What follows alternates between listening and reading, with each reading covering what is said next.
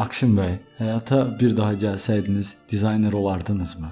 Həyata bir daha gəlsəydim, qətiyyən dizayner olmazdım. Ümumiyyətlə digital sektordan uzaq olardım. Hər zaman eləmək istədiyim bir məslək var, o da aşçılıqdır.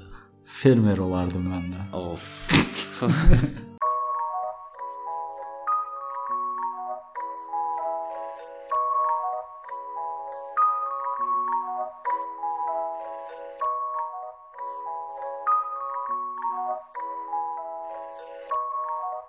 Hər vaxtınız xeyir olsun Logosuz podkast dinləyiciləri. Hər vaxtınız xeyir olsun. Yenidən podkastın əvvəlində təşəkkür eləmək istəyirəm hər kəsə. Bizi hələ də dinlədi dinləyənlər üçün, bizi hələ də Apple Podcast-da və digər podkastlarda Top Show-da saxlayan bütün dinləyicilərimiz, dəstək olan hər kəs. Bu gün podkastın mövzusu əvvəlki podkastımızda dediyimiz kimi Instagramda paylaşdığımız postun altında yazılan şərhlərdə, həmçinin mesajlarda yazılan ə, şərhlərdə sizin verdiyiniz, bizə yönləndirdiyiniz sualları cavablandıracağıq. Bu gün sual-cavab bizim buraxılışımızdır. Hı -hı. Bir neçə verilişdən bir düşünürük ki, arada suallar yığıla bilər ki, o sualları da bu mövzu ilə əlaqəli olsa lap yaxşı olar. İndi düzü Növbəti həftədən biz düşünürük seriyalı biz mövzulara girək. Yəni ümumiyyətlə bir mövzuya girib bunu bir neçə başlıqla bir neçə seriyaya çəkək və ə, e, məlumatlı, bol maraqlı verilişlər hazırlayaq. Orda bizim yaranan o məlum suallar ola bilər həmin hissədə. O sualların da cavablanması üçün bir neçə verilişdən bir biz istəyirik ki,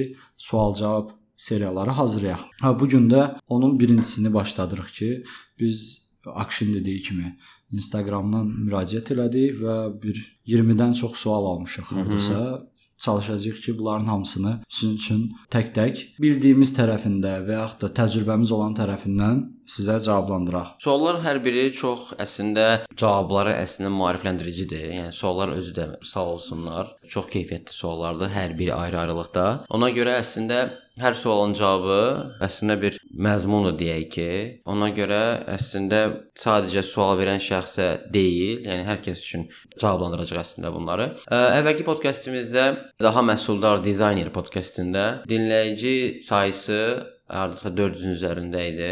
Çox yaxşı nəticə. Əla bir nəticə gətirin artıq Azərbaycanda. Hı -hı. Yəni yenidən bizi dinlədiyiniz üçün minnətdarıq. Dəstəkləriniz üçün çox sağ olun. Instagramda bəzi kitlə var ki, məsələn üçün biz yeni bir podkast paylaşırıq və yaxud yayımda olanda podkast, həmin dəqiqə sağ olsunlar storylərdə falan paylaşırlar. Lap yaxşı. Elə əladır ki, belə biz də dinləyici sayımızı artırmış olaraq. Nə qədər yəni hədəf nədir? Biz nə qədər çox adama bizim bu sahə ilə bağlı faydamız dəyəcəksə, o qədər bizi yəni bu türklər demiş mutlu eləyər. Mhm. Əla. Başlayaq o zaman. Yavaş-yavaş başlayaq çünki 1 saat nəzərdə tutmuşuq və Hı -hı.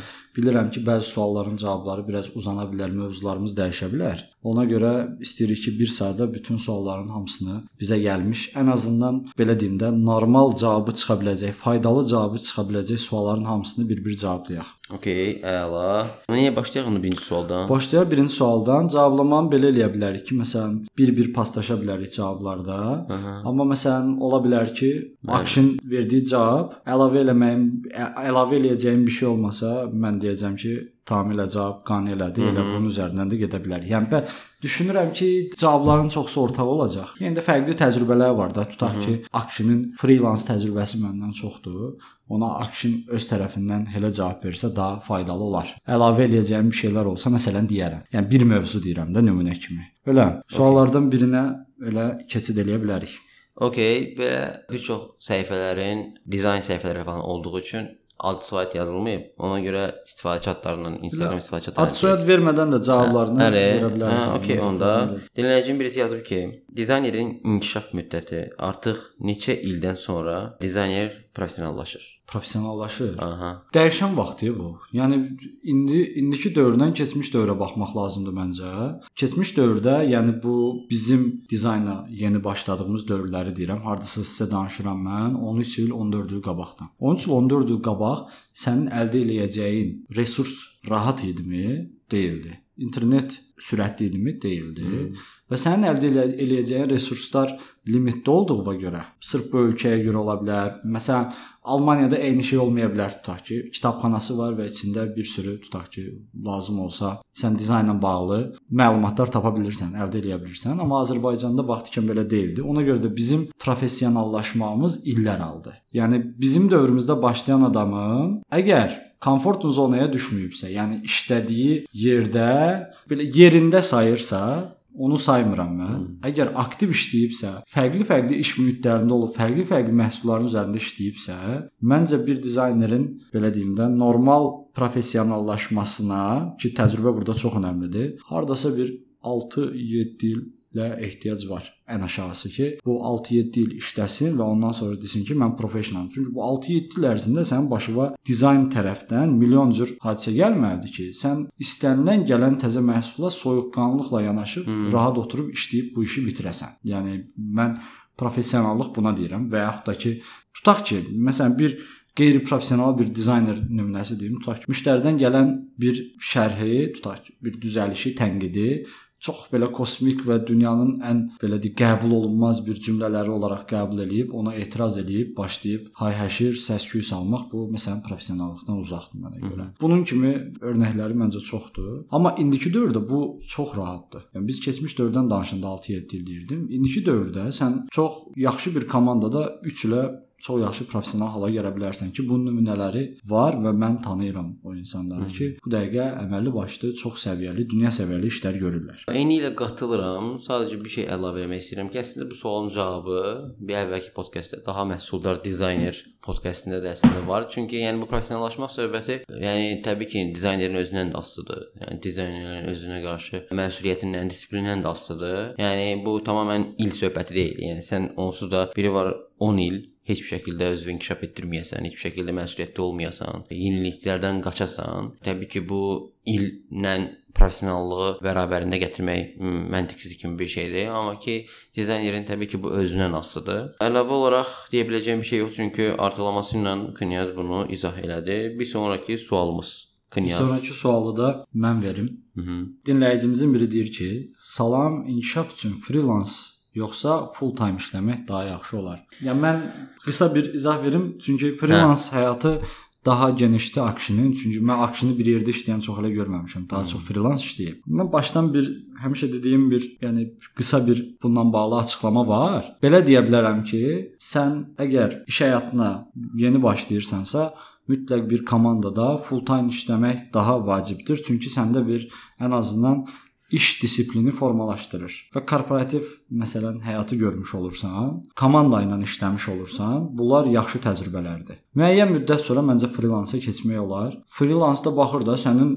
qarnını doyurursa, ehtiyaclarını qarşılayırsa, niyə də işləməyəsən ki, freelans. Amma sırf freelansın müsbət tərəflərinə mən çox elə mən həmişə paraleldə freelans olub Hı -hı. işlərim. Amma full time-la freelansı qarşılaşdırmaq deyəndə mənim həmişə də paraleldə full time işim olub. Ona görə onu qarşılaşdıra bilmirəm. Çünki tamamilə mən freelans həyatım olmur. Ona görə də o tərəfdən Akşin cavab versə daha yaxşı olar. Əslində Knyazın dediyi kimi kooperativ təcrübə mütləq lazımdır. Çünki kooperativ təcrübədə sadəcə iş disiplindən də əlavə freelans həyatınızda elə bil yenə də müştərilərlə işləyirsiniz işləyirsiniz, hər hansı bir şəxslərlə işləyirsiniz. Müştərilərlə olan təcrübəyə, yəni təcrübəni ancaq hardasa kooperativ bir yerdə işləyərək qazana bilərsiniz. Təbii ki, freelance elə o demək deyil ki, yəni mal qaymaqdır. İndi sözün əsl mənasında Knyazın da dediyi kimi, yəni sənin əgər gəlirini qarşılayır, yəni bütün gedərlərini falan qarşılayırsa, bütün elə bil sözün əsl mənasında freelance iş gedişatı buna dəyirsə, mütləq təbii ki, o yolu izləyə bilərsən. Amma ki, bu həmin dəqiqə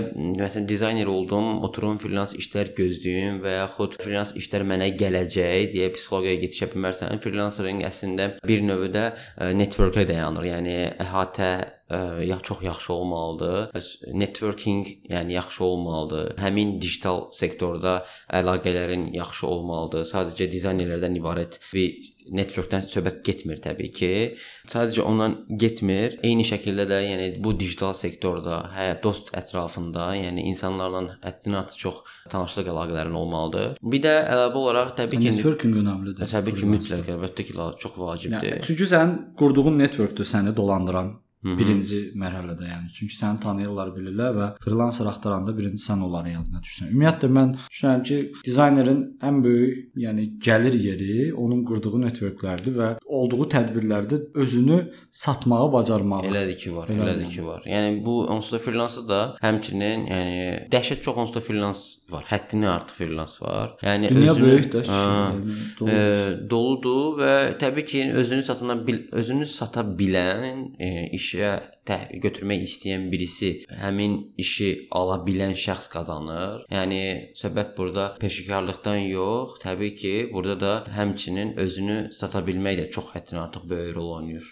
Yəni belə, amma full time-la Fərq arasında belə deyim ki, məsələn üçün təbii ki, yaxşı cəhətləri də var, pis cəhətləri də var freelancingin. Full time biraz məsələn üçün mənə kooperativ e, gedişat çox sıxıcı gəlir ətrinə artıq. Səni sözün düzü bir müəyyən bir qəlibə salırlar və qəlibdən elə bayıra çıxa bilmirsən. Hə, Yəni, hə. belə bir şey var. Yəni bu başqa bir ölkədə daha düzgün bir komandada falan hə ola bilər dəyər görər, amma biz o ölkə deyilik. Hə, elədir ki, var. Amma təbii ki, komanda təcrübəsi çox vacibdir, həddindən artıq. Yəni. kimi komanda təcrübəsi mütləqdir. Deməli, bir sonrakı suala keçək. Bir sonrakı sual budur ki, UX UI dizayn üçün hansı kitabları tövsiyə edərdiniz? UX UI. Ay, sağ ol. UI üçün bir deyərəm indi mən.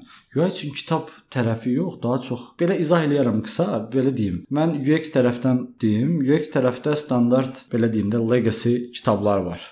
Hmm. bu işə başlamaq üçün UX çox geniş bir qavram olduğu üçün. Yəni geniş deyəndə UX sadəcə vebdə deyil axı. İnterfeys hər yerdə var, usability hər yerdə var və design thinking hər yerdə var, hər məhsulun üzərində var. Ona görə onları o nöqtədən baxanda UX çox geniş qavramdır və UX-i ən gözəl öyrənməyin məncə yolu UX-in real həyatdakı əşyalarda təcrübəsi, təsiri. Elədir. Bu tərəfləri tətbiq edib, buraları öyrənib və sən özün incələyib həyatındakı əşyaları filan, istifadəçi rahatlığını və yaxud da məsələn özün də tutaq ki, sadə bir əşyadan əziyyət çəkirsənsə, götürüb bunu prototipləyib fərqli bir maraqlı məhsullar çıxartmağı. Bununla əlaqəli, yəni həyatın içi ilə bağlı sən kitablar oxuyanda çox şey əldə edirsən. Çünki webdə biraz bu iş dəyişkəndir. Webdə case study-lər oxuyurlar adətən UX dizaynerlər. Yəni məsələn mən bir nömrəli saytım var.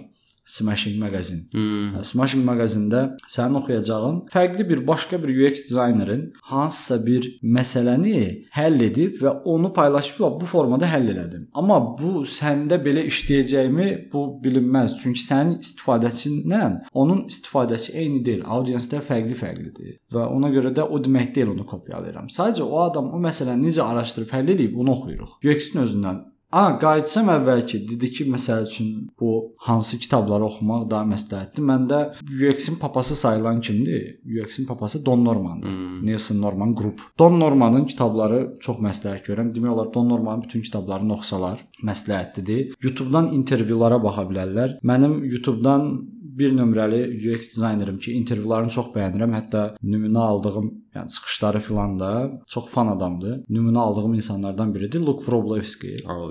Luke Wroblewski Hmm. Google-un vaxtkən head designer olmuş. İndi də öz şirkəti var, öz startapları var, onun üzərində işləyir. O adam Twitterdə çox maraqlıdır, onu izləmək olar. Də klassik bir kitab var da, web tərəfindən baxsaq, bir dənə Steve Krug'un Don't Make Me Think Dead Mixing hə. Ha, Don't Make Me Think deyilən bir kitab var. O kitabın 2 seriyası var. Biri upgrade olmuş versiyasıdır. Onu da internetdən rahat belə tapıb PDF var hə. Ha, PDF public var. var, hə, var, var. Bilmirəm nə dərəcədə qanunidir, qeyri-qanunidir, amma onun PDF-ini tapmaq rahatlıqla Hə. mümkündür. Var var. Don Make Me Think-i birinci mən oxumuşam. Sonradan Don Normanın kitablarını kəşf eləyəndən sonra düşündüm ki, Don Norman daha faydalıdır. Bir də bunun bir də management tərəfi var da. Yəni UX ilə bağlı sən management tərəfə keçsən, orada ox- oxuyacağın kitablar başqadır. Onunla bağlı bir sürü kitablar. Bəlkə gələcəkdə mövzumuz olsa, deyərəm onları da. UI ilə bağlı bu yaxınlarda bir dənə kitab oxudum. Nə? İlk dəfə idi UI ilə bağlı kitab oxuyurdum. Sözün düzü tipoqraf kitab, tipoqrafiyanın kitablar başqa hmm. çox oxumuşam. Layoutla bağlı çox oxumuşam. Onların da birbaşa UI-yə təsiri var. Onu dan danmıram. Yəni çünki UI-ın biraz nəzəri bilgilərinin qrafiklə əlaqəli olduğunu düşünürəm. Orda çox elə, yəni belə qeyri-adi bir şeylər yoxdur. UI refactoring deyilən bir dənə kitab var idi. Refactoring UI. Çox qəşəng kitab idi. Elə bir ki, əslində mən dönə-dönə dediyim, məsələn, müəllimlik eləyəndə dediyim, bu belə olmaz, belə olar. Belə olmaz, belə olar. Nümunə ilə çəkib göstərdiyim işlərin infoqrafik həm də ki rahat şəkilli fotolu, qısa-qısa tekstlərlə hazırlanmış versiyasıdır. Çox gözəl kitabdır. Refactoring UI. Refactoring UI. Ə, Refactoring UI. Onu UI tərəfdən bunu tövsiyə edə bilərəm, yoxsa Behance və yaxud da Twitter. Dribble. Dribble. Hə. Mən aşağı şey deyəcəydim. Don't make me sing. Çox qəşəng kitab Qəşəng ətnə. kitab. Amma İkinci stage ə, çox. belə bir şeydir də, yəni orada gələn komment şey olur adətən. Köhnə deyə bu. Ay. Köhnə fərqi nədir? Experience dəyişmir. Hə, Experience dəyişmir. Bir də Sprint kitabı var. Yaş o bomba kitabdır Sprint. kitabdır ətən Sprint. Onun da haqq yeməyi kimi çıxmasın, onda PDF-i var valla. Şəxsən məndə var. Amma mən açıq şey daha çox xoşlayıram. Medium bloqları daha çox xoşlayıram. Amma ki mən heç vaxt user experience ilə əlaqədar bir bloq oxuyanda heç vaxt şey oxumuram. Məsələn üçün webdə UX prinsipləri, mobildə UX prinsipləri yox. Elə Knyazın dediyi kimi həyatda, gündəlik həyatda olan UX prinsiplərini oxumaq xoşuma gəlir. Yəni o product dizaynda və yaxud ümumi olaraq belə deyim də, digital olmayan UX prinsipləri haqqında bloq yazıları oxumaq xoşlayıram Medium-da. Ə, Elə daha oxunaqlı olur. Ay sağ ol. E, Aparır ya onda, hmm. yəni, onda aparır. Digər sualımız, digər sualımızı sən de. Hə, mən deyim digər sualı. Deməli, bir dənə belə bir sual gəlib. Salam Knyaz bəy, Labirint şirkətində web dizayner üzrə nə zaman vakansiya olacaq? Mən artıq deyim ki, iki problem oldu da. Bir elə bildilər mən Kod Akademiyadan artıq ayrılmışam. Hmm. Labirinin dizayn headi keçdiyim şeyi Facebooka əlavə eləyəndən sonra mən həmişə Kod Akademiyadayam, hal-hazırda Kod Akademiyadayam və günümün böyük hissəsi Kod Akademiyada orada tədris verməklə keçir. Labirin şirkətində mən artıq işləmirəm. Ümumiyyətlə hardasa 1 ilə yaxındır ki, oradan ayrılmışam, belə deyim. Ona görə orada hansı vakansiya var, necədir, nədir, bundan xəbərim yoxdur. Labirinin özünə yazsanız daha düzgün cavab verərlər sizə. Bir dənə də sual oxuyum. Ölkədən necə gedək deyir. Başqa yerdə bu sahədə işləyək deyir. Ölkədən getməyə ehtiyac yoxdur valla. Elə burdan oturub başqa ölkə üçün siz maraqlı işlər də görə bilərsiniz. Ölkədən gedib Hə, məsələn deyirsən ki, arzulayıram da mən nə bilim, dəxil çox standart ölkə hansıdır Azərbaycanda? Polşa. Nə görüblər? Sən Polşada yaşamısan. Nə görüblər Polşada? Nəfis dedin üzümə baxaraq. Bilirsən. Polşada nə Nədir görürsən? Polşada nə görüblər? Dizayn baxımından. Hə? Yəni də Oxuduğuma lənət yəni- gəlsin yəni o günə. Yox, hamının arzusu bir şey, "A, Polşaya köçmək olar." Nə olub? Abi sənə bir şey Polşadan? deyim Hə. də. Dizayn baxımından deyirlər sənə. Yox, ümumi. Fəhləsi də Polşaya getmək Hə, istəyir, yox, obisi elədir. də. Məsələn, üçün, bax belə bir şey var da.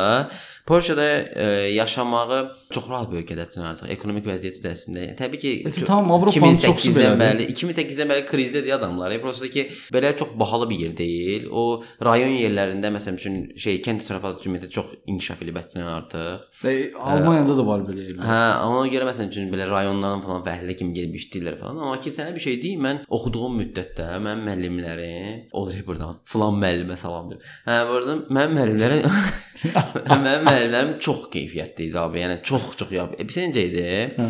Mən həyatımın şokunu yaşamışdım onda. Elə mən 1 il Türkiyədə oxuyandan sonra Polşaya gedəndən sonra bildiyin yəni tapşırıq verirdi müəllim. Tapşırığı təhvil verirdi. Adam prosta hər hansı imtahan tapşırıq deyildi. ya, Onlara həftəlik tapşırıq falan verirdi. Tapşırıq təhvil verirdim. Adam iki əlindən mənə belə sağ ol deyirdi ki, çox təşəkkür edirəm. Yəni çox yaxşı iş çıxarmısan. Yəni verdiyim əziyyətin qarşılığını vermisən də. Belə adam belə dost kimi və plus da ki, elə bir dizayner kafasında məsələn üçün belə danışırdı, erirdi və mən orada iş təcrübəsi yaşamışdım orada. Abi gördüm ki, yəni polyak dizaynerlərdə məsələn üçün sayılı çox ə, hörmətli dizayner var idi. Amma ki Rəqabət çox yox, dəhşət idi. Rəqabət super idi və oradakı Polşada dizayn sammitləri olsun, e, eventlər olsun və heç vaxt və heç vaxt indiyə kimi görməmişəm ki, şey olsun da, ya pullu Bildim, olsun. hamısı məsələn pullu standart oldu. deyim də, Türkiyədə də var belə şeylər məncə. Hə, Türkiyədə çox da pulla alınır Türkiyə bazardır, böyük bazardır. Amma məsələn mən belə deyim də, fişkası nədir Polşanın ki, ya klişedir, cəmaatın dilinə düşüb, fotolardan görürlər meşəlikləri falan düşünürlər ki, ancaq meşəlik Polşadadır, Almaniyanın 90% meşəlik məsələn. Yəni də sadə deyirəm. Yaxşı, bir dizayner səncə Polşaya getməlidir, Almaniyaya getməlidir? Almaniyaya getməlidir, təbii ki. Aysa, göbəyi oradır. Hmm, təbii ki orada. Göbək oradır yəni. Amsterdamdır, oralardır hmm. filan. İndi mövzunun çox dərinliyinə getmədən belə deyim ki, mən öz tərəfimdən baxsam, bu ölkədə oturub xaric üçün iş görmək daha məncə faydalıdır. Çünki orada qazandığın onsuz da yarısını vergi olaraq verəsən. Düzdür? Daha yaxşı qonşuların ola bilər, hmm. daha yaxşı mühitdə, daha səliqəli transportda səyahət eləyərsən. Filan amma bunların hamısının bədəli də şeydir. Elə bilirlər ki, Avropada yerləşib qoz tökülüb. Avropada onsuz da qazandığını tamamında xərcləyirsən onsuz da ayına. Hə, elədir, əlbəttə ki, elədir. belə deyim də, bir müddət sonra yaşadığınız yer sizin üçün adiləşir. Hmm, Yəni sən birinci yanında ha, ağaclar, park necə gözəldir. O, amma insan elədi ki, bir müddət sonra fokuslanır ancaq mənfi tərəfə. Hmm. Orada da başlayır problemlər axtarıb o tərəfdən deyinməyə. Mən deyirəm ki, qal vətənində qaçmaq bir həll deyil. hə, otur. Birinci dili öyrən. Dili öyrənəndən sonra otur xarici iş gör. Yəni bu daha faydalıdır ki, elə sən daha dəyərli pul vahidi ilə, yəni valyuta ilə pulu qazanıb burada daha gəlirli dizayner kimi də sayıla bilərsən. Getmək istəyən rahat gedər. İş doludur, işdən çox iş var. Apply eləsən, dili yaxşı bilirsənsə, portfolyon qaydasındadırsa uça-uça gedərsən. Hmm. Bir başqa sual. sual? Var. Deyir ki, sizcə qrafik dizayn yoxsa web dizayn? Ayrı-ayrı daxı bunlar. ayrı mövzulardır biraz. Görə- ayrı-ayrıdır. Yəni yanbayan durulası deyil. Hmm. Yəni web dizayn mən keyfiyyət olaraq desəm, Hmm. Analitik qabiliyyəti olan insanlar webə məncə estetik və belə deyim də səliqəsi, biraz da səbri, daha çox səbri, Səbri olan olanlar. insanlar varsa qrafikə getməlidir məncə. Bilmirəm, Akşinin burada fikri nə olar? Mən də eyni şəkildə qatılıram açığı. Amma ki, belə ikisini yan-bayan qoymaqda çətinlik çəkirəm. e. Yəni web olaraq düşünə bilən birisi və qrafik olaraq düşünə bilən birisi fərqli olur. E, Ona görə sən tamamilə o düşüncə tərzinə ba- bağlıdır. Yəni hər bir hər qrafik dizayner təbii ki, web dizayner ola da bilmir də. Yəni web düşünən birisi də yəni qrafik dizayner ola bilmir. Yəni belə knyazdan qatılıram açığı. Deməli, Başqa sual varsa sən yönləndir. Deyirəm, işinin peşkarı olmaq üçün çox çalışmaqdan başqa nə lazımdır? Hə, pis törəsində qəşəng sualdır. Maraqlı sualdır. Çox çalışmaq, onsuz da çox çalışmaq məncə Yetərincə İşinin peşəkarı olmağa gedən addım deyil axı. Çox çalışmaq ayrı bir şeydir. Bir də çox çalışıb faydalı çalışmaq ayrı bir şeydir. Hmm, məhsuldar dizayner podkast. Yəni çox çalışaraq işinin nə olmaq dedi? Sual. İşin peşkarı olmaq üçün çox çalışmaqdan başqa nə lazımdır? Özünü inkişaf elətdirmək. Yenilikçi olmaq, Oxumaq, yəni öyrənmək, mütləq. mütləq ən əsası odur onsuz da. Düzdür, onu işləyərək də tətbiq eləməlisən, çox çalışaraq tətbiq eləməlisən. Ümumiyyətlə çox çalışmaq, çox çalışmaq o önəmlidir. Mütləq, Bir- hə, o- heç ya- yatmağın adı yoxdur. Dizaynsız qalanda mən özümü havasız hiss edirəm, sözün düzü, oksigensiz hiss edirəm. Yəni bizim üçün ayrıca bir passiondur bu iş. Və bunun yanında sən oturub işləməklə tam inkişaf eləmirsən, əvəzində də yeni-yeni şeyləri də öyrənmək mütləq vacibdir. Yaşın aidiyyatı yoxdur ya. Yəni mən hal-hazırda 32 yaşım var və Ciddi. Ha, qocalmışam. Hə, mən 32 yaşım var və 32 yaşımı indiki yaşıma qədər düz deyindən belə hələ enerji sahibi olur insan. Ayrı bir enerji gəlir ha 30-larda adama. O məncə Sən- özünü rahatlatmaq texnikasıdır. Yo məncə. ciddi deyirəm. Yəni 30-dan sonra ayrı bir enerji gəlir. Sənin üçün qızıl dövrü başlayır. Hə. Deyirsən ki, qardaş 40-a kimi neynədim elə. ondan, ondan sonra bizə belimiz qırıldı. Amma bu bu dövrdə bu ərəfədə də məsələn mən yeni şeylər öyrənirəm. Hal-hazırda belə hər gün yeni şeylər oxuyub öyrənirəm. Öyrənməsəm mənə yəqin ki 1-2-3 il sonra out of dated dizayner də deyə bilərlər. Ayda sən də bizi pis elədin elə. Yox, elə deyil. hə, neçə yaşdır səndə? 29. 28. 28 elə var ya. 30 yerdən. Deməli, mən bir dənə bu suala cavab vermək istəyirəm. Deməli, əgər işin peşəkarı, yəni həddindən çox çalışmısınızsa, işin peşəkarı olaraq özünüzü adlandıra bilmirsinizsə, məncə çalışma yöntəminiz səhvdir. Bəli. Hə, məncə çalışma yöntəminizi dəyişdirməlisiniz və inkişafa yönəlik düşünməlisiniz. Hər zaman yenilikçi olmalısınız. Bir sonrakı sual. Mən verim sualı. Aha. Deməli, bir dənə sual var belə. Yapay zəka, yəni ki, bildiyimiz süni intellekt, yəni artificial intelligence sənətimizə necə təsir edir? Hələ ki təsir eləmir məncə çox elə. UX avtomatlaşa bilərmi? Çox qəşəng sualdır. Və hətta son dövrlərdə mənim adi ayaqüstü söhbətlərimdə mənə ən çox verilən sualdır bu. Çünki UX tərəfi çox araşdırıram bu gələcəyi və yaxud da keçmişi falan adətən düşünürəm. Hətta marağımda olan son dövrlərdə oxuduğum kitabları da fokusum budur ki, biraz futurizmlə falan da maraqlanım. O da maraqlı bir sözün düzü son dövrlərin trend işlərindən biridir. İndi UX-in süni intellekt tərəfinə gəlsək. Experience adi userlərdən götürülən experience-dirsə, yəni qarşındakı insandırsa, qarşındakı duyğulardırsa, fərqli duyğulardırsa və fərqli məhsullardırsa, sənin bunu süni intellektlə hal-hazırdakı süni intellektlə sənin bunu eləmək imkanın yoxdur. Gələcəyə götürsək, əgər gələcəkdə süni intellekt lazım olan dataları götürüb məncə analiz eləyə bilirsə, bunu sonra analiz eləyəndən sonra bir neçə versiyada prototipləyə bilirsə, ondan sonra isə sənə bunu test elətdirə bilirsə, alandan sonra nəticəni interfeysə tam çevirə bilirsə, görürsüz neçədən mərhələ getdi. Onda deyərəm ki, bu süni intellektə canımız. Amma bu o qədər rahatlıqla mümkün olan bir şey deyil. Bunun belə bir neçə mütləq arxada mütləq bir dənə kimsə adi bir insan olmalıdır, yəni buna nəzarət edən. Ki, bir də insanlar, insanlar real insanlarla münasibət qurmaq istəyər məncə bu intervyu proseslərində filan. Yoxsa qabağındakı bir deyim ki, süni intellektlə. Hə, süni intellekt səni trak eləyə bilər, hərəkətləri izləyə bilər.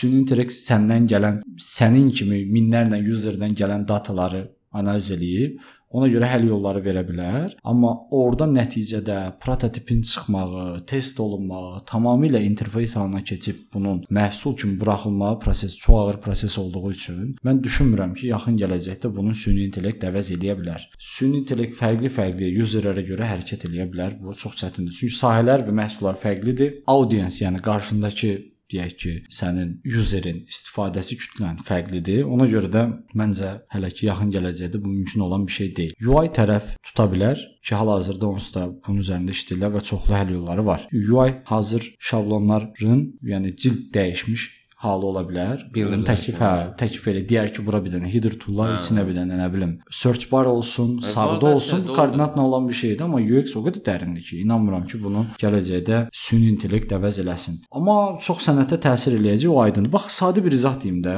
Bu hüquqşünasdır. Hüquqşünasın məsələn, yəni çox elə hüquqşünasla mən sözün düzü heç vaxt indiyə kimi ünsiyyətim olmuyor, amma təxminən bildiyim bu adamlar qanunları bizdən daha yaxşı bilir. Və qanunları bizdən daha yaxşı bildiyi üçün o qanunları qarşılaşdırıb mixləyib fərqli qanunlara baxıb sənin üçün solution çıxarda bilər ortaya ki, Okay. bax, sən bu məsələdən qurtuluş yolun budur. Məsələn, ən təməl şeyi deyirəm də, indi ola bilər ki, hansı hissədə səhv eləyərəm. Burada indi başqa faktorlar da var, başqa duyğular da var. Onu demirəm. Məsələn, ən təməlilə gedirəm ki, məsələn, bəsit bir hüquqşünas. Gəlirəm yanına, konsultasiyamı alıram, çıxıram. Bunu əgər sən bir süni intellektdə, başqa bir süni intellektdə bu məsələni tanıtmısansa, bu qanunların hamısı, bunların hamısını çox qəşəng öyrənibsə, niyə də mən ona sual verəndə onu analiz edib qəşəng mənə bazadan cavab hazırlayıb verə bilməsin? Bunun hal-hazırda bənzərini Google Now eləyir. Bunun hal-hazırda bənzərini Siri də eləyir və yaxud da Cortana da eləyir. Eləyir. Beləncə məhsullar həyatımızda var. Amma bu UX-də biraz fərqlidir də. Məhsullar çox fərqlidir, sahələr fərqlidir, istifadəçilər fərqlidir. bir ara hardasa 2020-ci il keçən il əslində ağlımda toz-boş belə bir şey layihə var idi. Biraz maraqlandım. Ümumiyyətlə machine learning-də çox sevdiyim sahədir. Çox həzz aldığım bir məs- e, sahədir machine learning. Deməli, mən bir ara araşdırma eləmişdim machine learning-də sırf bu sualın ə, məzmunu ilə əlaqədar əslində. Yəni avtomatlaşdırılmış, yəni user experience. Sadəcə belə bir şey var da. Yəni bir baxma sənə qatılıram, amma ki bir dənə belə bir nüans var. Ə, Google Chrome-da internet olmayanda bir dinozavr oyunu var. E. Python-da belə machine learning-də bir dənə belə bir sistem düzəldmişdilər. Yəni çox YouTube-da da videosu var əslində. 6-7 min dəfə adam oyunu oynayır və hər bir hissəsində, hər bir hissəsində məsəl üçün harda deyək ki, quşa başı dəyir və yaxud kaktusa dəyir, yıxılır falan. Tullananda bu bu həldə tullananda, bu tempdə tullananda dəymə ehtimalı azalır falan filan. 6-5 min, 6 min dəfə bu oyunu oynayıb, artıq bütün feillərin hamısını bilir. Yəni machine learning artıq bunu data olaraq toplayıb və bu oyun sonsuz şəkildə davam edir. Elə qrup ki, bu oyun sonsuz şəkildə gedir və heç bir şəkildə uduzmur. Yəni bütün bütün feillər hamısı data olaraq səxrayət olunub və sonsuz olaraq oyun davam edir. Yəni heç bir şey feil olmadan çünki əzbərinə bilir ki, şey quş gələndə əyilmək lazımdır, kaktus gələndə əyilmək, bu sürətlə gedəndə bu dayanmaq lazımdır falan. Yəni, çünki o indi indi deyim sənə, bir dənə platforma var, user testing deyə var, göy fonu, user testing. Usertest.com. Ha, .com ay sağ ol. Hə, bilirəm, Hatcher'in bənzəri bir proqram. Sağ, Hotjar kimi bir şeydir. Orada elə bir hardasa 17 minə yaxın user tester, tester var, e, analytiker falan var. Adamlar məsəl üçün layihə verirsən, onları testing edirlər falan. Onların bir layihəsi var. Hardasa bu ilin 2 mart ayında usertesting.io daha hələ production verilməyib. Sadəcə bir ara Git-də paylaşmışdılar, e, GitHub-da paylaşmışdılar. Deməli, adamlar həddindən artıq çox platforma testing eləyiblər. Həddindən artıq. Yəni demək olar user testing mövzusunda çox geniş bir e, saytdır, platformadır. Testing eləyiblər və onu avtolaşdırmağa çalışırlar. Və bunların hamısını data olaraq toplayıblar. Məsələn üçün, hətta deyək ki, 100 minə yaxın application və ya veb-sayt və ya hər hansı bir produktu, yəni bildiyin makyaj alət e, package-indən tutmuş hər bir şeyə qədər adamlar testing eləyiblər də. Onların hamısı data olaraq yığıblar və hər, hər bir datanı da özünə görə bir titlelandırıblar və bunu avtomatlaşdırmağa çalışacaqlar. Ay sağ ol. Mən başa düşdüm. Bu təməl olaraq mümkün ola bilər. Amma bu Azərbaycanda işləyərmi? İşləməz heç. Çünki qarşındakı istifadəçi fərqlidir. Yəni sən tutaq ki, başqa bir mədəniyyətdə, başqa bir ölkədə bir valideynə yaxınlaş tutaq ki, Hə. bir mama, evdar qadın yaxınlaşsan, deyirsən ki, məsələn, 2 dənə qablaşdırma göstərirsən. Deyirsən ki, bu mu daha yaxşıdır, bu mu daha yaxşıdır? O, məsələn, orada daha sadə versiyanı seçər, düşünər ki, bunun dizaynı daha yaxşıdır, bunu daha rahat istifadə eləyərəm mən deyir. Amma məsələn, Azərbaycanda bir evdar xanımdan onu sorsan, bunun əksini deyə bilər. Ay sağ elədir ki var. Experience-lər, mən bu duyğular fərqlidir deyə o standart məsələləri həll eləyə bilər. Mənə elə gəlir ki, o halda bir yüzlərlə də inputu özün daxil eləmiş ola bilərsən. Yəni bu inputları daxil eləmək də yorucu prosesdir. Hmm, əlbəttə ki, o da tanı. Axı məsələn deyirəm bax standart. Bir kafenin post terminalı ilə bir supermarketin post terminalı eyni deyil axı. Hmm. Onun nəticəsində ikisində də post terminal var. Amma birində experience başqadır, o birisində experience başqadır. Biri çünki kafedir, biri isə market. Bunlar fərqli-fərqli experience-lərdir. Ona görə inanmıram ki, tamamilə cover eləsin. Gələ çox gələcəkdə süni intellekt elə səviyyəyə çata bilər. Yəni mən də durum belə komplolar çıxardım ortaya ki, nələr çıxa bilər. Bir sürü şey çıxa bilər və bunların əksəriyyəti mümkün olacaq. İnanın ki, elə bir gələcək olacaq ki, mən görə biləcəyimiz gələcəkdən danışıram. Hmm. Yəni elə bir gələcək olacaq ki, bunların hamısı doğrudan da rahat avtomatlaşacaq. Onda düşünün ki, insanlar da artıq avtomatlaşmış olacaq. Yəni qarşındakı insan duyğuları o qədər standartlaşmalıdır ki, ki var. Hə. sən də o duyğulara görə hərəkət eləyə biləsən. Ay, Yəni mənim istəyirsən. burada verəcəyim izah bu ola bilər. Əla. Bir sonrakı suala keçək. Bəli. Salam. Mümkünsə sualımı cavablandırardınız? Təbii ki, sevə-sevə. Peşəkar qrafik və ya UI UX dizayner olmaq üçün rəssamlıq qabiliyyəti tələb olunurmu? Ha bu suallar ən çox mənə gələn suallardan biridir. Ən çox gələn suallardan biridir. Düşünənlər var ki, hətta mən rəssamam və bir addım qabaqdayam. Qrafik tərəfdə rəssamlıq qabiliyyəti olan insanların bir neçə problemi olmur. Bunlardan biri başındakı əsas şey mən gördüyüm tələbələrdən rəssamlıq qabiliyyəti olan tələbələrin kompozisiya problemi olmur Hmm. Dizayn qurmaqda. Kontrast problemi olmur. Rəng problemi, kontrast problemi qətiyyən olmur. Bax bu əsas, bax bunlar o şey olur. Mənfi tərəflərini deyim, rəssamlar biraz disiplinsiz olur. Hmm. Hamısına əlbəttə şamil eləmirəm, amma əksər gördüyüm rəssamlar biraz kafadan rahat olurlar. Hmm. Amma dizayn disiplin və ciddiyyət tələb edən işdir. İnanın ki, dizayn o demək deyil elə şortka keçirim ayağıma, nə bilim, beach paltarında gəlim işə, nə bilim, özüm üçün yayxanam, bütün telefon, "Ə, işim adım yoxdur. Niyə? E, dizaynerim də mən. Modum yoxdur. bu, iş deyil, deyil. Dizayn əməlli başlı mühəndislik işidir. Hmm. Bu tərəfdən rəssamlıq qabiliyyəti olanların problemi olmur. Ən ciddi problemlər də rəssamlıq qabiliyyəti olan insanların biraz maksimalist olurlar. Hmm. Dizayn mümkün qədər, yaxşı dizayn mümkün qədər bir o qədər də sadə dizayndır belə deyim də. Yəni Dieter Rams var, bir alman industrial dizaynerdir. Onun dediyi sözdür ki, dizayn gərək ki, yəni belə qısa çıxartsam özət, çox sadə olsun. Çox sadə dizaynlar daha uğurlu sayılır, daha işlək olur və rəssamlıq qabiliyyəti olan yeni başlayan dizaynerlərdə ən çox əziyyət çəkdiyim tərəf bu tərəfi oyatmaqdır. Qardaş, qri bu elementlərdən qurtul, detal qatma, detallardan qurtulaq.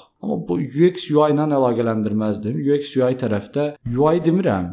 Çünki əsas UX-dən başlayır.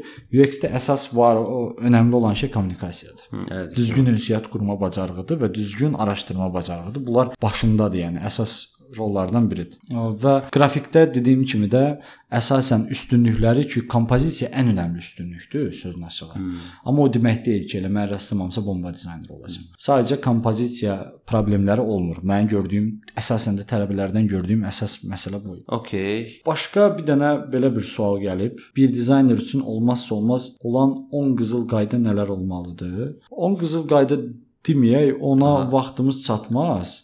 3 qızıl qayda deyil. 3 qızıl qayda çıxartmaq istəsək, məsələn, 3 qızıl qayda çıxartmaq olar. Dizayner üçün deyir ümumi olaraq, yoxsa Hə, bir dizayner bir üçün. dizayner üçün. Yəni bir dizayner üçün 10 qızıl qayda nədir?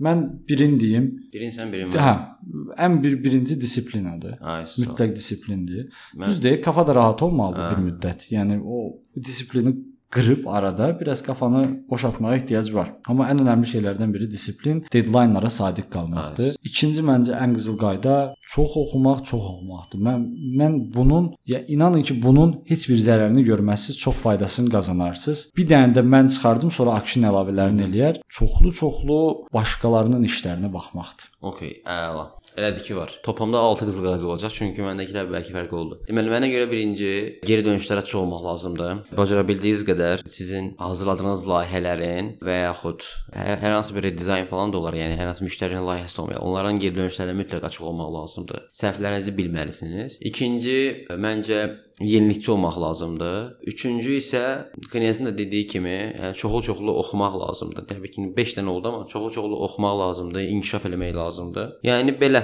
bu il dizaynla bağlı seminarlar olacaqmı? Olacaqsa harada olacaq? Bir Akşinin də xəbəri olmadığı bir gözəl xəbəri çatdırım sizə. Aha, aha.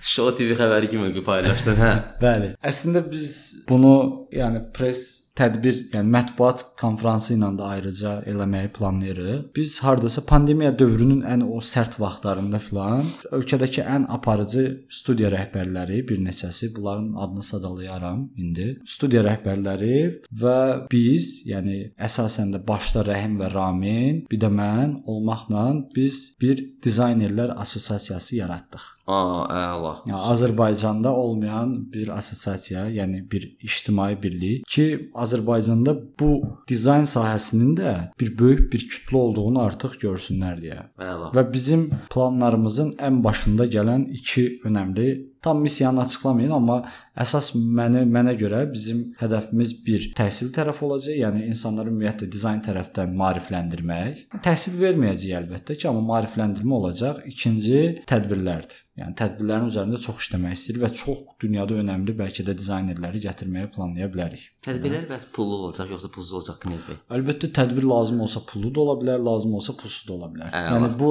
bizim assosiasiyanın üzvlərinə görə dəyişə də bilər, çünki üzvlük də özü də pullu bir şeydir.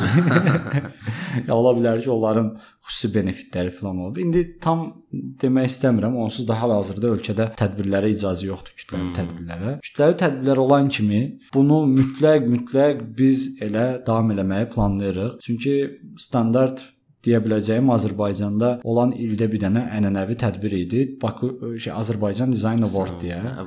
Ha, Azərbaycan Design Award deyə. Bu elə bu tədbir mütləq hər il davam eləyəcək. Mən bunu bilirəm və Rəhimgil də bunun üzərində bərk-bərk işləyirlər. İndi bu il mümkün olmadı, çünki texniki olaraq mümkün deyil Ha. bunu aparmaq bu formada. Bəlkə də eləmək olardı da, sadəcə limitləyir. Yəni bu iş güc və bu dövr adamı limitlədiyi üçün bu qədər kosta eləmək çətin olur da. Yəni məsələn bizi keçən il 3-4 dəfə iclas elədik. Mən münsiflər heyətindəyəm hal-hazırda.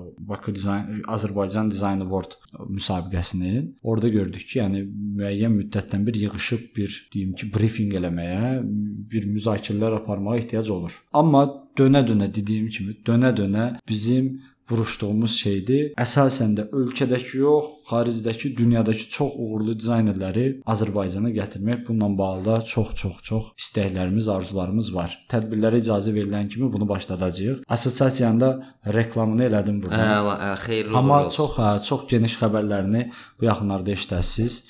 Ço- Tam timi sadalamayım heç e, ehtiyac yoxdur məncə. Çünki yaxınlarda saytımız da olacaq. Bizim loqomuzda görəsiz, bir sürü hə belə yeniliklərimiz var. Bunlar hazır olan kimi onsuz da ictimaiyyətin bundan xəbəri olacaq. Əla. İctimaiyyətin bundan qəşəng. Deməli, son 2 sual qalıb. 2 sualı səsləndirim. Hə, məndə bitdi sual. Əla. Deməli deyir ki, bir diz, bir insan, aha, bir insan dizaynın birdən çox sahəsində məşğul ola bilərmi? Gərək reklam sahəsi, gərəksə branding və ya user interface or user experience. Yenə ənənəvi mən birinci girim. Gir. O ola bilər, yəni mütləq ola bilər, mümkündür. Dizayn birinin sahəsi deyəndə yox. Qrafik və web dizayner paralel getməz. Hmm. Səmimi deyim, yəni elə bir iş yerində sizdən elə bir tələb varsa, Qaçın. bilin ki, bilin ki, iki işçinin maaşını bir işçiyə bağlayıb Kitləmək iş aparmaq istəyirlər. Yəni 100% bilirəm. Hə yaxşı, işin gücün yoxdursa və sən hələ də seçim qarşısındasansa, niyə də getməyəsən? Yəni gedib bir faydası, yəni heç yoxdan yaxşıdır. Hmm. Yəni bunu deyərəm, heç yoxdan yaxşıdır belə şeylər. Amma məsələn, dizaynın içində, qrafik dizayn içində reklam sahəsi ayrıdır. Packaging sahəsi ayrıdır. Branding sahəsi ayrıdır. Editorial tamamilə ayrıdır. Yəni görürsüz nə qədər burada kateqoriya çıxdı. Bunların hamısını bir dizayner görə bilər. Amma sırf bir sahəyə fokuslananda həmin sahənin əjdahası olur. Elədir ki, var. Mən həmişə ondan yanayam. Mən həmişə bir şeyin professional olmağından yanayam. Nəyə görə? Bax ha. Məsələn, kimsə mənə packaging deyəndə mən deyirəm ki, tutaq ki, rəhim. Bilirsən ki, rəhimdir, ramindir. Yəni bunlar bu sahədə ixtisaslaşıb. Çünki adamların elədiyin 90%, 80% bunların packagingdir. Çox eləyirlər packagingi. Olsun da, yəni uğurlu dizaynerlərdirlər və packaging edirlər. Bunlar üçün bu dizaynın bu hissəsi passiondur. Məsələn, branding deyiləndə, hə, ağlıma gələn tutaq ki, deyərəm ki, paradoks. Məsələn, brendinqdə də və yaxud da loqoda deyərəm, nə bilim, kimsə başqa biridir. Yəni bilərəm ki, o sahədə bu ixtisaslaşıb. O daha təcrübəlidir bu işdə, problemi həll etməyə. Belə ola bilər, ancaq belə mümkündür. Ya hər şey şünas olanda hər şey eləyirsən, amma bir tərəfdə uğur ulduzlaşmırsan, belə deyim, uğur deməyim buna. Yəni bir sahədə ulduzlaşmırsan. Ya mən məsələn qrafik tərəfdə ulduzlaşdığımı yəni və yaxud da tanındığımı düşünmürəm. Daha çox web interfeys və yaxud da UX tərəfdə tanındığımı düşünürəm. Çünki aktiv tətbiq elədiyim sahə oradır və tamamilə bu sahəyə fokuslanmışam. Belə deyim. Mən də hər zaman bir şeydə professional olmaqdan yanayam. Yəni ümumiyyətlə o özünü elə bil ayırmaq kimi bir şeydir də. Qolumu kəsdim atım o bir tərəfə, ayağımı kəsdim atım o bir tərəfə, başımı kəsdim bu tərəfə. Onun kimi Elədir bir şey. də, hə. Hə, ona görə mən hər zaman bir şeydə daha təcrübəli olmasından yanayam. Mən düzü bunu çox səhv eləmişəm. Bu səhvə çox eləmişəm həddindən artıq. Elə bil mən proqramlaşmadan başladığım üçün əvvəl elə bir front-end development-dan başlamışdım. Bu universitetdə oxuduğum vaxtlarda, e, üzr istəyirəm, universitet hazırlaşan vaxtlarda front-end development-ə e, inkişaf etməyə başladım. Deyirdim məsələn üçün biraz bunu öyrənim. Hə, bu yeni çıxıb bunu da öyrənim. Bu yeni çıxıb bunu da öyrənim. Belə belə belə belə gördüm ki, yerimdə sayıram. Yəni həddindən çox vaxtım gedir və bir şeydə də professional deyiləm. Hər bir şey yarım-yarımdır. Yəni hə- həmin o bir şeydən də professional olması olmağın mümkün də deyil. Yəni mümkün deyil. O bir səncə də onda bir olan ehtimaldır. Çünki bu 3 mövzunu da yaxından izləməlisən və onlara ayaq uydurmalısan. Ona görə mən hər zaman o mənə çox böyük bir dərs oldu. Vaxt itkisi oldu. Həddindən artıq o vaxt itkisini özümə dərs olaraq gördüm ki, yəni doğrudan da bir şeydə daha peşkar olmaq daha yaxşıdır. O özdə yaş az olanda daha dəliqanlı olursan. Ay sağ ol. Məsələn, mənə çox gəlir. Proqramlaşmanı da öyrənim, yığdığım saytı özüm elə Hmm, hə. kodlayım falan. Elə şey yoxdur da, yəni o qədər rahat deyil. Elə Bu bir rahatlığın var, maddiyatdan da olar bəlkə də. İkisini cibimə qoyum. Yox, yəni bunlar hamısı vaxtdır, yəni və səbirdir. Yəni o qədər sən bir professiyada, məsələn, normal front-end bilə bilərsən, məsələn, mobile development-in yüngül hissələrini falan bilə bilərsən, amma yox, həm proqramçı olum, həm nə bilim, dizayner olum, elə bir dünya yoxdur da, yəni. Onu ki, o halda olarsan ki, sən keçmişin proqramçı, sonradan tamamilə ixtisaslı dəyişib dizayna keçirsən, ha, onda deyərsən ki, mənim kimi də mən məsələn 7-də, 8-də oxuyanda mən kod yazırdım. Yəni, əvvəlim kod olub mənim. Ha. Məktəbi bitirəndə də koda fokuslu idim. Amma kodu sevmirdim və dizayna fokuslandım. Dizaynla davam elədim. Sonuncu sual. Deyir ki, ə, əslində bu sualın cavabını vermişik, amma yenə də sual deyim. Bu sahəyə yeni başlayan biri özünü necə inkişaf etdirir? Kursa gedib bitirən birini deyirəm. Dinirəm, Kursa gedib bitirən birini deyirəm. deyirəm, Hə. gedib işləməlidir də. Bu sahəyə yeni başlayan biri özünü necə inkişaf etdirə bilər? Kursa gedib bitirən birini deyirəm. Yəni kursa bitirib, ki, yəni bitirdim indi necə inkişaf eləyim? İşləməlisən. İşləməli, staj, İstən- stajyer. İstənilən bir yerə girib, hə, istənilən bir yerə fərqi yoxdur har olur olsun. İş dizayn işindən məşğul olmalıdır. Oturub gözləməli deyil ki, hə, mən inkişaf eləyəcəm və yaxud da iş gəlib məni tapacaq. Mütləq real təcrübələr, real məhsulların üzərində işləməlidir. Bu balaca da ola bilər, böyük də və yaxud pis də ola bilər, yaxşı da. İstənilən halda yeni başlayan dizayner üçün qabağına çıxan hər bir real problem onun üçün təcrübə olaraq geri qayıtdığı üçün 100%. mütləq gedib işləməlidir. Mən əsas əsas inkişaf tərəfi bu ölkədə onda görürəm. Yəni oxu oxu hara qədər. Hə, Yəni, işləmək də lazım. lazım. Praktika çox vacibdir onsuz da. Bir də ki, məsələn üçün hər şey əla, məsələn üçün nələrsə öyrənirsiniz. Mən hər zaman bundan heç çox yana olmamışam. Yəni əgər bunu hər hansı bir, təbii ki, bu da çox vacibdir. Həyatımızda böyük rol oynayır, amma bunu bir maaşa görə eləməyiniz, ona görə o, o yoldan izləməyiniz mən bilən, nə bilim, mənim fikrimcə düzgün bir şey deyil. Yox, istənilən istənilən sahədə sən uğur qazanırsansa, Hı, o sahənin, hə, o sahənin ustası olmusansa, onun qarşılığı onsuz da maddi tərəfdən də çox kosmik Hmm. olacaq. Yəni dizaynda çox pul var, mən dizayna keçim. Nə nə olsun ki, yəni front-enddə də çox pul var, proqramlaşdırmada da çox pul var, marketinqdə də pul var, interyerdə də, memarlıqda da pul var. Yəni Kənd təsərrüfatında da var. hə, hə, kənd təsərrüfatında da pul var, dəmirçilikdə də pul, hər şeydə var pul. Qap pəncərədə də pul var, maşın ustası da pul qazanır. Sən bu sahənin uğurlusu olmaq. Bu da bir dənə yanlış. Kursu oxudumsa vəsə, mən sənətkaram yoxdur da belə Hə, bir şey. hə, elədir. Sən kursu bitirmisənsə, yeni başlayan çıraq deyirlər də ona. Hı, hı. Çıraq ola biləcək bir dizaynersən, o dövr çox səbir tələb edən dövrdür. Əsasən də 1-ci ildir. Ondan sonra məncə oradan salamat çıxsan, çox böyük uğurlar qazana bilirsən. Yavaş-yavaş inkişaf eləyərək də, yəni belə deyim. Və dərhal da pul gözləmək kimi ümumiyyətlə bu düzdür, çox klişe cümlə ola bilər. Yəni pul üçün işləməyin. Amma doğrudan elədir. Yəni bir işi sevmək önəmlidir. Hmm. Pul özü gəlir. Yəni pul tərəf özü həll olur. Bir işini sev, bir işini düzgün vaxtı vaxtında gör, keyfiyyəti və artır. Görəsən səni necə dəyərli müştərilər tapacaq və necə də yaxşı bunun qarşılığını, yəni əksini almış olasan. Və onsuz da pul pul üçün işləmək insanı yavaşladır məncə. Yavaşladır hətta. Yox, duyğu qalmır. Duyğu qalmır. Yəni mən məsələn indi elə dostlarım və yaxud da dost olmadı. Məsələn bu şey olmuşdu. Bu 3 il bundan qabaq Instagramda bir neçə Viner yığılıb 3 il 4 il olar ha. Viner yığılıb bir yerə kino çəkdilər. Onların kino posterinə ehtiyacı var idi. Hmm. Belə desəm mən, mənim sırf portfolyomda kino posteri yox idi deyə, yəni istəyərdim də bir dənə kino posteri eləyim, fərqli bir şey eləyim deyim. Yəni, yox idi deyə mən götürdüm pulsuz elədim onu. Hmm. İstəyirdim də, yəni həvəs var idi, maraq var idi və yaxud da elə məsələn sifariş düşür ki mənə, sırf o işi görmək üçün deyirəm ki, bax, demirsiz bizim bu qiymətə gücümüz çatmır, bu qiymət mümkündür. Sırf bu işi eləmək üçün mən bu qiymətə razı oluram, problem deyil. Amma bu işi eləyim mən. Hə, aysa. Yəni, bəzən elə qurbanlar eləmək bəzən, lazımdır. Bəzən, hə, bəzən işi istəyirsən eləmək. Yox, bu işi mən partlatmalıyam. Hmm. Bu olmalıdır, məndə olmalıdır. Çox olur, məndə də aysa. O halda məsələn, bəlkə heç belə deyim də indi danışıqdan çox şey asılıdır. Bəlkə ola bilər ki, çox minimum rəqəm alaram, amma o işi görərəm, bitirərəm və rahat olaram. Sevinir, "A, bu işi elədim mən" deyərəm yəni. Çox olub belə şey. E, duraq onda hər şeyi belə pul üzərindən qıraq, çox mənasızdır. Okay, suallarımız əslində bura qədər idi. Yes, belə qısa da olsa cavablandırmağa çalışdıq. Bəzi məncə cavabları da çox geniş verdik. Məncə də yəni, məncə də yəni. Sən mən sualım var. məncə yox, mənim bir sualım yoxdur. Belə bəlkə də olar deyə risk soruşdum.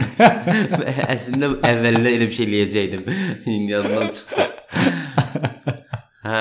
Ya dedik də başda eləmişik də biz. Hə, başda əsas. Ayda, hə, aylaydı. Standart bir hə. klişe ASTV suallarından biri. Vermiş oldum. Yaxşı gətir bir sual verim. Ver, ver. Hazırsan? Ver. Deməli, çox kreativ bir sualdır, gözəl, çox düşün, düşündürücü sualdır. Kreativ, Deməli, kreativ. kreativdir. Deməli, adaya düşsən, yanına alacağın 3 şey. Keçən dəfə birini görmüşəm. Yazır ki, karpuzumu, tulum peynirimi, türküydü. Qar qarpız belə düşünür də. Adada sana içində. Nə alardın abi yanına 3 dənə şey? Bu əşya mı yoxsa canlı mı? E, canlı olsun. Yox canlı. Yox, ya üzr istəyirəm, əşya olsun. Əşya alsam 3 dənə səmimi deyirəm yəni, ciddi deyirəm. 3 şey alardım. Olmazsa olmazdı mənim üçün. Bir laptopdur. Yəni bir kart. Nə yapıb, niyə sən internet bir şey yox. Bir anda gəlirəm ona. Bir data kartı. internet tapım. bir də kofe aparatı. orada doğal ortamdan. Orada kofe. bəlkə əkib becərərəm, biraz qovuraram odda zətdə kofe. Özüm üçün maraqlı. Bu bu üçünü hə istəyərdim. Bəlkə də bir mini mini bir silah da ola bilər. Çünki adada hər cür hücuma hazır ola bilərsən, yəni o sadə bir mini bir silah, radatka. Necə də bir sadə bir silah da ola bilər. Bəlkə də özün də icad edə bilərsən, nə bilim yəni. Məncə o silahı bir gün bezəndə öz-özünə vurmaq üçün götürmək istəyirsən. Çünki mən fikir vermişəm ki, düzdür, internetsiz qala bilərəm. Elə günlərim olur ki, çox elə əpi açsam belə çox elə diqqət eləmirəm də şeylərə. Amma bəzən olur ki, tətilə çıxırsan, uzun müddət işdən gücdən uzaq qalanda hmm. oksigensiz qalırsan, nə elə bil. Yəni mən, məndə də elə, kompüter həmişə özümə daşıyıram. Elə bir hiss gəlir ki, doğrudan da ıssız bir adadasan və heç kimin heç nəyin yoxdur. Yəni bax elə bir şey hmm. olur bəzən. İstəyirsən də qaydasan, görəsən, maraqlı görəsən nə var, nə diviziyoniyalar var, yəni belə bir şey. Səndə nə olardı bəs? 3 şey. Hə. Məndə də 100% laptopum olardı. İnternet oldu olmadı fərqi yox. Laptop yox, PC. Axır vaxtlar mən PC. PC, mən laptop Xoşlayıram açığı. Amma məndə də məsələn üçün mən belədir ki, deyək ki, həddindən az çox yorğun olum, gecə evə gec gəlim. Amma bir dəfə kompüter açmalıyam. Ya o gün kompüter açmasam ümumiyyətlə yata bilmərəm. Eyni şey olur. Tətilə gedirəm məsələn üçün 2 günlük də olsa, 1 günlük də olsa, yəni bilim 20 günlük də olsa kompüterimi heç özümlə daşıyıram. Yəni hər gün standart özü bir psixoloji elə bir problemim var. 3 şey birinci laptop olardı 100%. Prosta bir dənə Aeroportdan keçəndə çıxartmalısan da sumkadan. Aa, hayda. hayda. Birincisi hər hansı bir chargingi çox yüksək olan, amma ki heç olmasa məni bir 1-2 ay apara bilən bir Game Boy falan olardı. O nədir? Yəni oyun şeydə Tetris Tetris kimi bir şey. Hə, elə bir şey. Hə. Ay yox, bizim ağlımıza işıq gəlir ha ki. Günəş 9 enerjisi. adı apırırıq. Bir də deyəcəydim ki, solar enerji götürərdim. Ha, onu deyirsən. Hə, onu Ay, yadımızdan çıxır. Hocam, ikimiz bir yerdə gəlsə həll olur. Ay sağ ol kanka. Həyat qurarmışıq. Biz də klişe belə mənasız standart suallarımızı belə verdik. Yəni, vaxtımızı aldığımız üçün üzr istəyirik. Amma e, sözün düzü indi bizim daha rahat studiyaya keçəcəyik gələcəkdə. Daha rahat studiyaya keçəndə daha belə bizi sözün düzü şən görəsiz, daha da şən deyəndə, yəni indi biraz, yəni biz istəyirik ki, daha da belə yayxanaq yerimizə uzanaq, belə oturaq mikrofonu o radiodakı cool DJ-lər kimi yaxınlaşdıraq belə özümüzə və başlayaq danışmağa. Bu dəqiqə bizim şəraitimiz ona əl vermir. Bizi görsəniz hansı şəraitdə sizə podkast yazırıq. Sözün düzü belə bol exolu bir otaqda, FETÖ kampına oxşayır. bol exolu bir otaqdadır və ə, ətrafda səs-küy olduqca çoxdur ki, bunları eşidirsə, xəbəriniz varsa dönə-dönə üzr istəyirik. Yəni bu dəqiqə bizim hələki şəraitimiz budur, amma yavaş-yavaş yaxşılaşdıracağıq bunu. Və bir dənə mikrofonumuz var. İkimiz də onun başına keçib belə yaxınlaşıb belə mehriban-mehriban, əziz-əziz söhbət edirik. İstəsəz bunun storiesini də birazdan paylaşarıq. Siz baxarsınız. Aha, belə. Bu podkastımızda bura qədərdir. Bəli. Gələn həftəki podkastımızda Bəli, gələn həftə maraqlı bir mövzuyla gəlirik. Aha, Qırğın olacaq. seriya ilə İndidən gedirik. indidən spoiler vermirik, amma həftənin Aha. ortalarında artıq teaserlər gəlməyə başlayacaq. Aa, əla. Bəli. Dinlədiyiniz üçün çox sağ olun. Çox sağ olun, var olun. çox sağ olun. Bizi podkast həmin providerlarda, yəni Spotify, Apple, Google Podcast-da, Yandex Podcast-da abunə olmağı unutmayın. Həmçinin Logosuz.com, logosuz.com. Logosuz. Logosuz.com-da da həmçinin bizi podkast dinləyə bilərsiniz. Həmin podkastlərdə də abunə olub, həmçinin bizim podkast yayımlandığı zaman sizə bildiriş gəlir. Bildirişlə sizə bildirilir ki, bu epizod artıq yayındadır. Bir də həmçinin Apple Podcast-da bizə şərh yazmağı unutmayın. Bir dənə bunu da deyim, söz sağollaşaq. Bəli. Ə, Azərbaycan xaricində Rusiya, Hollandiya və Türkiyədən də komment yazmışdılar, sağ olsun. Gözəl, sevindim buna. Nə dilində yazmışlar? Ə, Instaşvit falan. Elə şeylər Yox. Yox, Azərbaycan dilində yazmışdı. Azərbaycan dilində yazmış. Tez elə qulağızı və almanca cavab verir. Başa düşdüm Google Translate. Hə, Azərbaycan Azərbaycan yazmış, Azərbaycanın dili. Ə, Azərbaycanlıdır, prosta orada yaşayır yəqin ki. Mutlu mutlu. Hə. Gələn, gələn, gələn podkastımıza görüşərik. Sağ olun. Bay bay.